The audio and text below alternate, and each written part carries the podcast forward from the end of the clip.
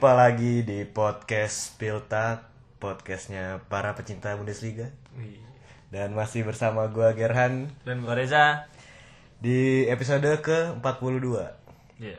Di mana pada episode ini kita setelah sekian lama menunda-nunda, akhirnya di episode ini kita edisi khusus. Iya, permintaan spesial dari para followers. Iya benar, karena waktu itu sempat kita nanya ya, eh, enaknya bahas apa dan Ini- itu berapa minggu yang lalu ya? Iya, ini topik yang paling banyak yang request sih. Iya sebenarnya itu. Jadi kita akan bahas tentang Tim-tim promosi musim depan. iya, di Bundesliga musim 2019-2020. Iya. Kalau sebelumnya tuh sekitar berapa ya? Terakhir 2011 ya, yang ada tiga tim promosi dari Bundesliga 2 ya Iya. kan? Jadi 8 di- tahun masa ya? Iya 8 tahun apa 9 tahun. Jadi baru musim ini lagi ada tiga tim yang merangsek ke Bundesliga 1. Yoi, ngeri banget. Tapi eh, sebelumnya kita kasih tahu dulu ya Gair Hmm. apa. Jadi episode ini khusus emang kita persembahkan untuk tim-tim promosi. Iya. Jadi full kita nggak ada segmen 1 2 3 tapi satu segmen semuanya full ngebahas tim-tim promosi. Mungkin sebutin dulu aja kali tim-tim yang promosinya siapa kalau ada yang belum tahu. Iya. Kalau ada yang baru ngikutin Bundesliga mulai musim depan mungkin. Hmm. Karena ini karena apa? Karena Karena, Bi- kita. Bein Sport udah nggak ini nggak nyariin Liga Inggris. Iya. Sekarang sekarang Liga Inggris susah tuh. Makanya mending nonton Bundesliga. Di Fox Sport sama di, Di Super, Super Soccer, Soccer. gratis katanya. Ya Enggak, kan? enggak gratis. Oh, enggak, enggak gratis ya? Super Soccer bayar, tapi Oh, belum iya. ketahuan tuh harganya berapa. Tahun kemarin kan cuma sepuluh ribu setengah musim. 2000 satu musim, setengah musim kemarin. Setengah musim ada. Iya, udah gitu Premier League juga ininya mahal ya katanya. Mahal, eh. itu Premier League harus beli sama TV-TV-nya kalau Sama nggak salah TV-TV-nya, asli. asli. Jadi itu gila sih. Dan baru kemarin tadi pagi juga si Bang Pange tuh bikin poll liat nggak lu? Iya. Kalau lu kalau musim depan Premier League lu mau langganan apa enggak? 75% pada bilang enggak pokoknya. Iya, terus si- si Mas Agung juga komen tuh katanya Mas Agung Harsha yang gol. Hmm. Komen katanya kayaknya banyak bakal banyak orang yang musim ini libur nonton Liga Inggris Iya. gara-gara itu. Terus gua gua samber aja kan, mending nonton Bundesliga. Hmm, Ka- Kata si Mas Agung katanya sih Bundesliga musim ini masih sepupuan nama Mola lah kayaknya yang, Oh, yang iya. nyarinya tapi dengan harga yang lebih terjangkau dibanding Liga Inggris kan. Hmm, itu jadi salah satu alasan kenapa kalian harus ngikutin Bundesliga tahun depan. Iya. Eh musim ini. Apalagi tim-tim promosinya bagus-bagus. Iya. masuk. Kayak siapa tuh? Mungkin kita bakal bahas dari yang ini dulu, juaranya tahun lalu. Juara tahun Bundesliga lalu. dua. Ada eh, tim yang emang seharusnya secara kualitas pemain emang ini udah kelas Bundesliga banget. Iya. Yaitu adalah FC Köln. FC Köln tahun kemarin mereka 8 apa pokoknya 83 atau 73 gitu. Apanya? Eh poinnya. Jadi Dia- beda dia beda, inilah, beda ber- 6 poin sama Paderborn. Pak, iya bener. Kalau dan dia tadinya tuh cuman dua horse race gitu ya, kayak dua balapan kuda antara Hamburg sama Köln. Cuman di tengah perparuh kedua tuh tiba-tiba Kuda, Hamburg ku- imbal kuda, kan. kudanya kesleo Hamburg. Jadi dia ketinggalan jauh sampai peringkat 4 Iya. turunnya jauh banget ya kan. Sebenarnya tahun kemarin itu si Köln ini benar-benar mendominasi liga sih kalau Iya, benar. kalau kita lihat ke- pas dari awal khususnya dari awal musim sampai pertengahan. Tapi beberapa pertandingan setelah paruh kedua apa setelah paruh kedua mulai itu mulai keteteran sebenarnya si Köln sama Hamburg udah lead jauh lah pas istirahat eh, istirahat apa liburan Paruh ini musim. liburan musim dingin Iya musim dingin. tapi pas udah masuk main lagi kayaknya karena satu dan lain hal performanya anjlok Iya, dan itu kelihatan sih kayak di paruh musim kedua tuh dia tengah-tengah dia ganti formasi dari tadinya 4-1-4-1 eh, sejak performa buruk di awal-awal paruh kedua itu dia ganti jadi 3-5-2 yang ngandelin wingback. Wingbacknya kan baru datang juga tuh si Florian Kainz. Florian Kainz dari Florian Bremen Kainz dari Bremen sama di kanan ada Christian Clemens dia terpaksa jadi wingback juga. Kekuatan terbesarnya Köln musim lalu kan sebenarnya emang di lini serang sih Iya, benar. mereka tahun kemarin itu mencet nyetak 84 gol dari 34 pertandingan Iya. Dan itu paling produktif di Iya. liga. itu hampir apa itu lebih dari 2,5 gol per pertandingan Hmm, jadi dan- emang, emang skornya gede-gede kalau Köln tahun kemarin. Köln itu satu pertandingan bisa nge-shoot 17 eh 16 shots per game. Gokil ya, 16 shots per game. iya emang kan emang skornya gede-gede. Gede-gede, dia dia ya. kalau kalah pun skornya 24 apa 35 Iya, bener, gitu. empat sama Iya, gitu. empat sama. Dan ini nih eh, untuk gambaran sedikit aja lini depan Coln itu ada John Cordoba, Yoi. Anthony Modeste sama Simon Terode. Iya, jadi Ini tipikalnya sama, ya kan tiga-tiganya tuh. bisa di rolling lah buat main dua di striker di depan. Tahun kemarin itu si Monterodo itu 36 pertandingan 33 gol, top skor Bundesliga. Si John Cordoba itu 35 pertandingan 21 gol. Hmm. Si Modeste masuk di tengah musim 11 pertandingan 6 gol. Iya Jadi makanya. hampir ya bukan hampir ini tajam semua tiga-tiga Tajam mau siapa pun yang main. Apalagi musim ini bakal kedatangan si Kingsley Schindler dari Houston Kiel iya, free iya, transfer ya kan. Dan iya kalau dilihat dari statis- statistik musim lalu juga nih dari Huskort, emang Coln tuh rata-rata emang merajai segala hal lah. Dari dia cuma kalah di possession sama Hamburg. Eh, terus di pas akurasi dia menang, rating secara keseluruhan tim menang, sama shots per game dia cuma kalah sama Paderborn. Paderborn ternyata gokil juga nih.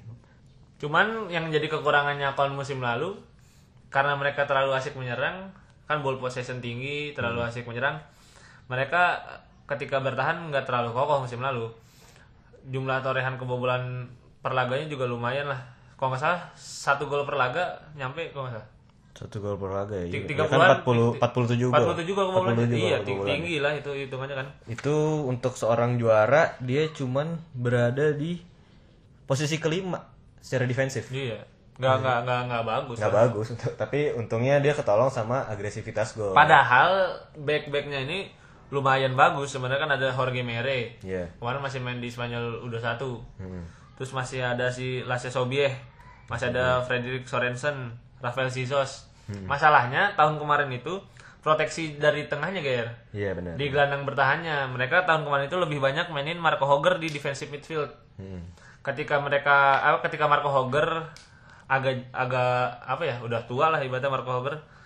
Eh enggak enggak tua juga 28 tahun, cuman dia mainnya lambat kan Hogger tipe-tipikal yang lambat nggak bisa nge-cover jumlah lapangan tengah yang Iya, benar, yang, yang Yang sebegitu besarnya. yang sebegitu besarnya karena jumlah pemain yang menyerang kan lebih banyak kalau Hmm. kan terus si Johannes Guest yang diharapkan bisa menopang lini tengah juga underperform banget tahun kemarin kan tambah Hmm. turun lagi akhirnya mereka tahun kemarin mainin Jonas Hector lebih banyak di gelandang Iya, itu sejak itu kan sejak yang paruh kedua itu. iya Sejak dia ganti tiga pokoknya formasi 352 atau enggak 314 3142 di lini serang dia ngandelin jadi cuman empat orang tuh yang di depan. Ada si Dominic Drexler Lois Schaub sama Terode atau John Cordoba atau enggak satu lagi si si siapa? Anthony Modeste. Dan yang jadi masalah kan ketika Jonas Hector lebih banyak main di gelandang berarti itu mengurangi Jonas Hector buat mengeksploitasi sisi sayap ya kan? Hmm. apalagi si Hector kan salah satu back kiri terbaik di Jerman lah saat Iya, ini punya crossing yang mumpuni kemampuan defense bagus. Sekalipun kalau misalnya dia pengen jadi gelandang back kirinya bisa apa enggak nih buat level Bundesliga kan? Tahun kemarin si Janik Horn ya? Janus Horn. Janus Horn, iya. makanya musim ini akhirnya si Kon tuh beli gelandang tengah baru. Siapa? Si Verstreste siapa? Yang dari Gen. Oh yang Belgia ya? Iya Oh, yang Belgia. Itu mungkin sedikit atau banyak membantu Kon di lini tengah sih. dari sekian banyak pemain yang tadi udah kita bahas, tentu pasti ada pemain yang sangat menonjol. ya. Tentu. Kalau di Coln itu menurut lu ada nggak siapa key player dari Coln ini untuk musim depan? Kalau gua melihat status Kon sebagai tim promosi dan melihat daftar pemain di skuadnya, menurut gue yang bisa jadi ini yang jadi tumpuan banget musim ini Timohon sih. Timo Horn. karena karena mau nggak mau tim promosi kan pasti dengan skuad yang seadanya biasanya kan bakal banyak keserang juga nih kalau musim depan Timohon mungkin ya sambil inilah sambil nyoba-nyoba siapa tahu masuk Euro 2020 Kalau kalau gue sih lebih ke ini sih. Si Dominic Drexler, Dro, Dominic Drexler nih. Dia pada musim lalu jadi raja asis Bundesliga 2 dengan 14 asis. Terus sebagai lini serang, eh lini serang. Gelandang serang dia juga lumayan banyak golnya, ada 9 gol dari 33 laga. Dan tipikalnya juga kayaknya tipikal yang emang gelandang kreatif gimana sih yang eksplosif juga dan Mirip-mirip Bisa inilah, bikin mirip-mirip peluang gitu. Pascal Gross dulu mungkin ya. Ya Pascal Gross. Ini juga termasuk yang late bloomer nih. Kalau kita lihat Dominic Drexler menarik karena sebelumnya main di tim dia Akademi Leverkusen, terus pada 2010 ke Rot Rotweiss Erfurt, Greuther Furt, VFR Allen, Holsten Kiel, sempat ke Midtjylland, baru sekarang ke FC Köln. Jadi baru sekali ini naik ke main bola di Dan bola di. main bola di level teratas sebuah liga gitu, Iya. sebuah negara. Jadi apa yang lu harapkan dari Call Niger musim depan? Kalau gue ngelihatnya Köln eh, tim yang sangat udah kompak sih. Dari musim sebelum dia degradasi juga banyak pemain yang di retain gitu, banyak pemain yang nggak dilepas. Cuman ini kalau nggak salah Salah Se- satu. Sero Gurasi ya. Seru Gurasi Musim bahkan pertengahan musim lalu ya dilepas ya. eh gue lupa ya. Pokoknya semacam Jonas Hector, Timo Horn, Jorge Mere, Vincent Coziello. Oh bener masih ada Vincent Iya. Coziello kan. Pemain-pemain kayak gitu nggak ada yang lepas semua. Dan itu mungkin salah satu kunci kenapa mereka bisa akhirnya dengan mudah, bisa dibilang relatif dengan mudah lah naik ke Bundesliga musim ini. Cuman yang menurut gue jadi masalah mungkin adalah si Cole ini di musim ini menggunakan pelatih baru. Iya aneh ya. Aneh. Se- enggak sih sebenarnya si tahun kemarin tuh si Andre Pablak jadi ini caretaker. Caretaker. Tadi tadinya kan si Markus Anfang itu satu musim. Iya. Sampai Sampai pas Sampai. Maret, Iya, sampai. Maret pas, pas ya. main jelek Pas itu walaupun ya. masih mau puncak klasemen langsung di ini dicoret. dicoret. Habis itu sampai akhir musim Si Pablak Pavlak dan sekarang jadi asisten, si Pablaknya digeser. Sekarang- balik lagi asisten manajer. Si manajer utamanya sekarang jadi si Acim Bayer Lorzer. Hmm, dan ini Ini pengalaman dia buat ngelatih di Bundesliga. ya karena sebelumnya dia cuma ngelatih. Oh, dia mantan pelatih RBL juga ternyata. RBL tapi pas Pada sebelum waktu masih di Bundesliga 2. asisten tapi. Asisten ya? Asisten 15 16. Oh. Terus terakhir sebelum ngelatih call musim ini dia ngelatih Jan Regensburg. Nah, Jan, Jan Regensburg ini emang Salah satu tim kejutan musim lalu Iya, musim lalu kan dia sempat naik ke Bundesliga 2 ya. Iya, bah- bahkan yang sempat ngebantai Hamburg itu kan. Hmm. Dan dia nggak turun setahu gue. Nggak turun, Nggak turun. kan? peringkat tengah. Peringkat tengah lumayan. Jan Regensburg padahal tim yang nggak pernah kita dengar. tim Bundesliga 3 kan dia sering Awalnya. berkutatnya. ya. Eh, apalagi ya? Paling kayaknya gitu aja untuk yang call. Iya. Kita agak padetin dikit. Langsung ke tim berikutnya yang menjadi runner up Bundesliga 2 musim lalu. Di sana ada SC Paderborn, tim Yoyo bisa kita sebut karena Dalam, lima, lima tahun terakhir ya? lima tahun terakhir itu udah bener-bener roller, roller coaster ride dari Bundesliga 1 langsung degradasi kedua, Ketiga. dua ketiga, ketiga tuh harusnya Hampir keempat. keempat karena eh, untungnya ketolong sama si siapa sih yang Si TSV kalau nggak salah. TSV 1860 Iya, Munich ya TSV, yang dia bangkrut ya kan Gagal bangkrut gagal dapat license gagal buat dapat license di Bundesliga 3. sampai ditendang dari Allianz Arena kalau nggak salah ya. apa dia di mana sih kalau nggak salah dia main di Allianz Arena juga Enggak tahu deh. terus main di home di home ground yang gak jelas gitu dan ya beruntung Paderborn dari saat itu harusnya ke divisi 4 tapi bertahan di Bundesliga 3 dan sejak itu mulai Bangkit. gacor lagi bangkit lagi Bahkan back to back promosi back to back promosi jadi dari Bundesliga 3 promosi Bundesliga 2 promosi lagi Bundesliga 1 Iya, berarti kan pemain-pemainnya masih ada pemain-pemain Bundesliga 3 nih berarti. Mm-mm. kelihatan dari ini tadi kita habis ngecek di transfer market pemainnya tuh paling mahal 3 juta 500 3 juta 500. market value nya Terus rekor transfer sepanjang sejarahnya 5 juta. Iya. 5 juta dapat siapa coba? Jadi Kalau kalau kalian- kalau kalau di Liga Inggris lu bayangin 5 juta dapat siapa? 5 juta Kevin dapat- Stewart aja 8 juta. eh siapa ya nggak tahu deh dapat siapa Terus total value squadnya itu nggak nyampe 25 juta. Mm-mm. jadi kalian jangan ngarep kita bakal ngomongin pemain-pemain yang kalian kenal mungkin juga nggak Kita juga nggak kenal. kita aja juga ini siapa gitu ya. paling recap dikit aja aja ke musim lalu itu performa Paderborn di Bundesliga 2 Musim lalu mereka secara mengejutkan sih di akhir musim Iya. benar-benar konsisten Iya, bisa benar-benar. menyusul ketertinggalan dari Hamburg dan Köln khususnya bahkan mereka bisa aja di akhir-akhir tuh hampir nyusul Köln dia tuh baru mulai masuk peringkat 5 di matchday ke-27. Tadinya berkutat di antara 7 6 8 eh 7 6 8 iya 7 6 8 cuma naik situ situ doang. Begitu matchday 27 dari dari ya 27 ke atas baru tuh. baru tuh naik. Tujuh pertandingan terakhir. Hmm, Soalnya kan emang waktu itu jarak antar timnya juga ketat banget antara Iya, ketat banget. antara Hamburg, si Union Berlin, terus ada Heidenheim. Heidenheim, Holsten Kiel, Holsten Kiel, iya, sama itu- si Paderborn ber- berlima. Mhm. si Paderborn statistik sedikit di musim lalu ini sebagai tim yang paling banyak golin kedua setelah Paling banyak gol yang kedua.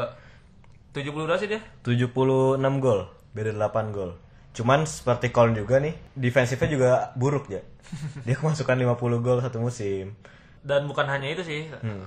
Si Paderborn kan musim lalu itu keunggulannya dalam mencetak gol.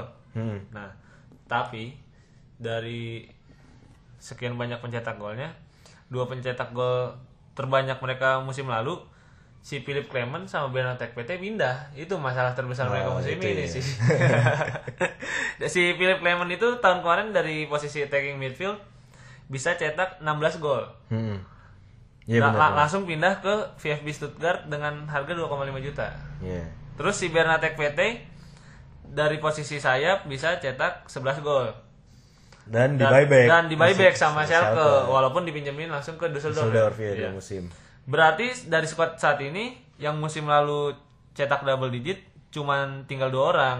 Hmm. Ada Antwi Ajay dari posisi sayap sama si Sven Michel. Itu juga cuma 10 sama 11 gol Hmm. Iya kemarin. benar. Emang kalau kita lihat si Paderborn ini tim yang sangat agresif dalam menyerang sih. Iya. Ini dia satu-satunya tim yang mengalah Kol- mengalahkan Koln di berbagai stats. Saya sama Hamburg yang dia ngalahin possession. Di shots per game, Paderborn ini 17 shots per game. Gokil. 17 shots tuh bayangin jadi fans Paderborn. Se Seugal-ugalan apa kan lu, lu bayangin aja seugal-ugalan apa mereka bermain musim lalu. Iya, tapi abis nyerang di counter. Golnya juga per game itu ada dua gol per game, lumayan lah. Ya kalau secara style of play sebenarnya Bundesliga 2 lumayan sih. Apa maksudnya lumayan nggak kayak Championship lah. Lu kalau lihat kan tahun kemarin Championship tuh disiarin sama TVRI. Iya. TVRI di di Championship tuh benar-benar kalau lu punya pelatih bagus dikit lah macam Nuno Santo, eh Nuno Espirito, macam si, Si Marco siapa Silva. yang baru naik tuh? Norwich? Mar Farke. Daniel Farke, lu bisa promosi soalnya tim-tim lainnya tuh bener-bener main masih main kick and rush kalau di championship.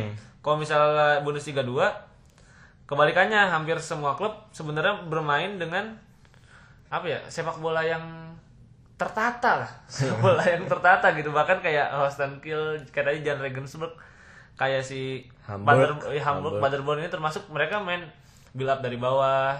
Terus dengan defensive line yang tinggi nah Paderborn juga nggak nggak terlalu jauh dari itu sih Iya. dan mereka intinya kekuatan paling besarnya itu di Trisula di Trisula ini Trisula di belakangnya striker Iya, benar. main main di si Benatek PT tahun lalu berarti Philip Clement sama si Atwe aja itu Iya benar-benar. Dan secara permainan sebenarnya nggak beda jauh sama Koln sih dia. Ngandelin 4141 juga, cuman si Paderborn ini lebih adaptif, cenderung lebih adap- adaptif. Soalnya di sepanjang musim kemarin dia ganti formasi sampai 4 atau 3 kali. Pernah main 442, 4231 sama 4 442 double six tuh kayak gimana ya? double six. double, double six tuh ini apa Sama 4141. benar. empat empat dua tuh gelandang gelandang holdingnya nomor 6 dua-duanya maksudnya Oh, double six iya, tuh. double six itu ya. bukan bentuk formasinya Oh nomor berarti 6 442 klasik lah ya. empat empat dua klasik si Sir sejajar Alex, yang itu Sir Alex, iya. iya benar. Cuman emang ini bakal bakal diuji besar-besaran sih pada Hmm. tahun depan karena mereka mau nggak mau harus lebih kan tahun kemarin udah adaptif tahun depan harus lebih adaptif lagi Hmm. karena kalau kita melihat pemain yang masuk dan keluarnya jauh lah levelnya dibanding Philip Clement sama Benatek PT lah itu kan jelas dua dua pemain yang paling berpengaruh terhadap mereka musim lalu Hmm. dan yang didatanginya sejauh ini paling bagus itu dari yang kemarin pernah Bundesliga kita 3. bahas Bundesliga 3. itu dari Jermannya ada dari Bundesliga ada dari Mainz si Janik Hood Oh, Janik Hood. Itu Janik gratis kan itu gratis juga? ya Jadi tapi kiper. yang paling itu bagusnya itu yang si Rivet Kapic yang dari Grasshoppers Hmm. yang musim lalu yang dipinjemin ke Bo- Bosnia kalau nggak salah Iya, iya benar benar. tapi sisanya dari regional Liga Nordos dari Oberliga Westfalen itu divisi 4, divisi 5, divisi 3 jadi ini peningkatan karir yang sangat melesat itu buat buat, buat para pemain itu. Kayak pemain-pemainnya yang nggak mungkin lu pernah bayangin lu denger dah. Kayak Strelly Mamba, Johannes Dorfler, Gianluca Rum, ini Iya, bener. gue juga nggak nggak yang kalau lu bilang lu pernah nonton bohong lah Gue gak pernah, gue gak pernah. Dan ya, ya dilihat dari situ sih kita ngarepnya untuk bisa berjuang di atas sedikit aja di degradasi itu udah bagus sih Paderborn sih. iya buat musim depan ya Iya, dan nggak tahu nih pembeliannya kayaknya masih adem ayam aja. Cuman Paderborn eh, termasuk tim yang aktif waktu awal-awal transfer tuh dia free transfer banyak banget kan. iya kar- karena itu gitu. mereka lebih ke arah sadar diri sih Iya, karena kemampuan pemain yang bisa didapatnya tidak akan bagus-bagus amat berarti mereka membutuhkan persiapan yang lebih matang daripada Iya. tim-tim lain Dan yang lebih parah tuh Paderborn eh, coachnya pindah ya musim depan. Eh dari musim lalu. Sama gak sih nggak tahu pelatihnya? Ya Saya- pindah ke RBL siapa? itu ini sporting, Sporting director. Nah, itu, iya. itu juga iya, ngaruh kata gua ngaruh sih. Di sini diuji nih. Apakah di musim pertama sporting directornya yang baru ini bisa membawa Paderborn apa enggak? Karena Iya. Kalau lihat musim depan paling siapa yang bisa diandelin nih? Dari ini gue dari baca transfer market aja karena jujur gue nggak nggak tahu dong nggak pernah lihat. Kayak pemain kunci adalah Sebastian Sebastian Vasiliadis. Ini masih 21 tahun. Pernah jadi Jerman U21 juga kalau nggak salah. Posisinya central midfielder dan harganya paling mahal di transfer market. itu itu dari, dari ininya aja ya iya, ya. dari kelihatannya paling kalau yang nama-nama beken ada Uwe Honemeyer lah. Uwe Honemeyer ini menarik nih. Hmm. Oh, Seberapa dia bisa ngebawa dia kan pemain paling berpengalaman. Iya. Ini legenda Huddersfield ya kan. Legenda Brighton. eh legenda Brighton. Dia nama paling beken lah yang mungkin paling paling sering kedengeran sering lah. kedengeran, Iya, walaupun iya. emang di Brighton pas di Premier League juga nggak main. Kalau kalau dari gua pemain kuncinya Sven Mi- Michels. Oh iya benar. Sven Michels soalnya apa? Soalnya dia satu-satunya striker yang Iya. bertahan selain selain Anto Aje. Berarti berdua ya. Berdua. Sven Michel ya karena dia nggak beli striker baru mau nggak mau bergantung banget terhadap dia sih. Iya. Ya, harapannya Ya, sih harapannya ya semoga nggak kayak Nuremberg musim lalu aja. Iya jadi sih. bulan-bulanan. Ini sangat seperti Nuremberg sih. Hmm. Kita nggak akan Nggak akan berharap nggak akan berharap muluk. Iya benar. Ya satu-satunya yang diharapin mungkin itu satu-satunya harapan mereka magis sang ini sang manajer Iya benar. Steven Baumgart yang bisa bawa mereka back to back promosi. Iya benar benar. Sama dia ada ini juga kan kalau nggak salah ada kerjasama dengan RBL. RBL mungkin di akhir-akhir Ah, transfer iya. nanti tiba-tiba masuk Bruma. eh Bruma udah pindah ya? Bruma udah pindah ya? Stefan Ilsan. Ilsanker juga di sini bisa jadi pemain terbaik. Iya bisa. Pemain termahal bisa. Iya. Nah ini beda sekali dengan tim yang akan kita bahas di Selanjutnya. Iya. Karena menurut gue nih tim yang paling apa ya disiplin dan paling adaptif terhadap pertan- pertandingan yang Iya. akan dihadapinya. Dan paling inilah paling menyiapkan segala sesuatunya Iya. dengan baik. Tim yang dipersiapkan Bener dengan matang. bener bener. Kalau di Inggris itu kayak Burnley pada musim berapa tuh yang dia peringkat 6 masuk Europa League. Oh, musim Nah, iya, kayak gitu. 2017-2018. Si- Disiplin di belakang, di depan juga lumayan efektif ya kan. Atau mungkin musim lalu Bournemouth Bournemouth enggak sih. cukup cukup cukup bagus pas di awal-awal. Sampai si Eddie Howe pengen jadi Iya, pelatih timnas Inggris kan. Yaitu di posisi ketiga musim lalu Bundesliga 2 ada FC Union Berlin. Ini dia dapat promosi berkat menang lawan Stuttgart. Menjadi tim yang tadi kita bilang tim pertama setelah siapa sih? Greuther Furt apa eh, siapa ya waktu itu?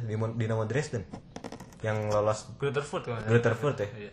Pokoknya si FC Union Berlin ini menjadi tim pertama itu setelah si Greuther Furt yang lolos dari Bundesliga 2 lewat playoff. Iya. Dan kemenangan mereka di playoff tuh benar-benar ini sih bikin Wah iya sih kalau ditonton kita jadi pendukung Union Berlin dadakan Iya, lah ibaratnya iya, karena iya. perjuangannya tuh benar-benar sangat mema apa mem- memicu adrenalin. adrenalin. Gimana mereka kalah kan di Hmm. leg 1, leg 1 kalah di kandang sendiri kan. Leg 1 kalah di kandang sendiri mereka dengan heroik bisa menang di kandangnya Stuttgart. Padahal Stuttgart Enggak enggak dia dua-duanya men Eh, satu seri, seri, seri, satu seri. seri. Di, di kandang seri tapi Di Stuttgart di menang Stuttgart, 1-0. di, di Stuttgart menang apa menang gol tandang sih dia? Kayaknya Oh iya gol menang gol tandang, kandang kosong kosong jadi satu satu ya. Iya kosong kosong satu satu. Iya kan gokil. sangat heroik melihat skuadnya Stuttgart saat itu ya kan. Eh, Bener-bener apa Dari ya? belakang sampai depan benar-benar kalah kelas kalau Hmm. dibilang di atas kertas mah.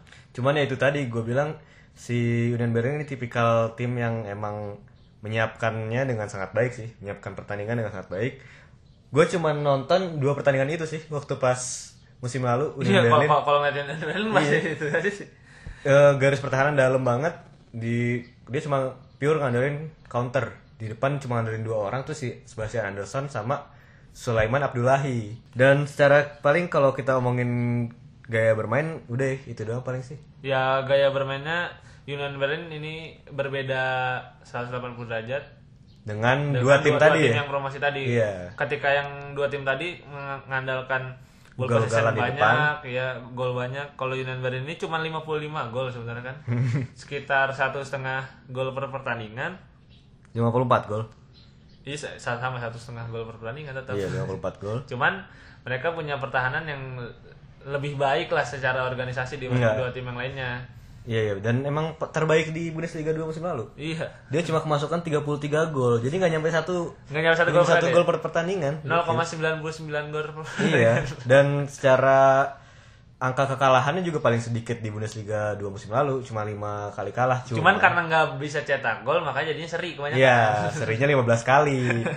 Dan sekali lagi kenapa gua gua bilang si Union Berlin ini salah satu tim yang dipersiapkan dengan matang? Karena kalau kita melihat bagaimana mereka mendekati Bundesliga ini bisa masuk di bursa, apa aktif di bursa transfer kelihatan banget gitu Iya. tujuan-tujuan pembeliannya iya ya kan benar-benar setuju mereka udah merekrut Christian Gärtner hampir sepanjang masanya dihabiskan di Stuttgart Hmm. pernah juara Bundesliga juga di Stuttgart terus ada Neven Subotic Iya, ini- Neven Subotic ini udah malang melintang malah lah melintang di Bundesliga, di Bundesliga. kan udah pernah juara, juara Bundesliga bersama Dortmund terus ada Anthony Ujah Hmm. 28 tahun tapi udah ya track recordnya udah bagus di Bundesliga Iya, jadi proven goal scorer dan iya si Ujah ini yang kita omongin di episode lalu ya sempat Iya. diomongin gak sih pernah diomongin dua, dua episode yang lalu Iya pokoknya dia emang salah satu striker yang cukup konsisten di Bundesliga.